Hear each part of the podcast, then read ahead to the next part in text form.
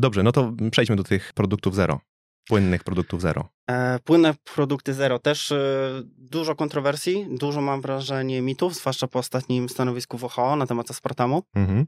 A trzeba podkreślić, że każdy napój zero, na przykład Coca-Cola zero, będzie zdrowsza od e, Coca-Coli z cukrem. I tutaj chcę postawić dosyć duży wykrzyknik. I zawsze, jak pracuję ze swoim pacjentem, który pije dużo napojów słodzonych, to takim pierwszym kompromisowym e, rozwiązaniem dla niego jest właśnie to, żeby po części przerzucił się na napoje zero, e, po części na wodę, tak żeby metodą małych kroków wchodzić w jak najbardziej optymalny i prozdrowotny system nawodnienia, że tak powiem. Em, No bo napoje zero, chociaż nie można powiedzieć, że są zdrowe i działają pozytywnie na nasz organizm, to można powiedzieć, że są mniejszym złem.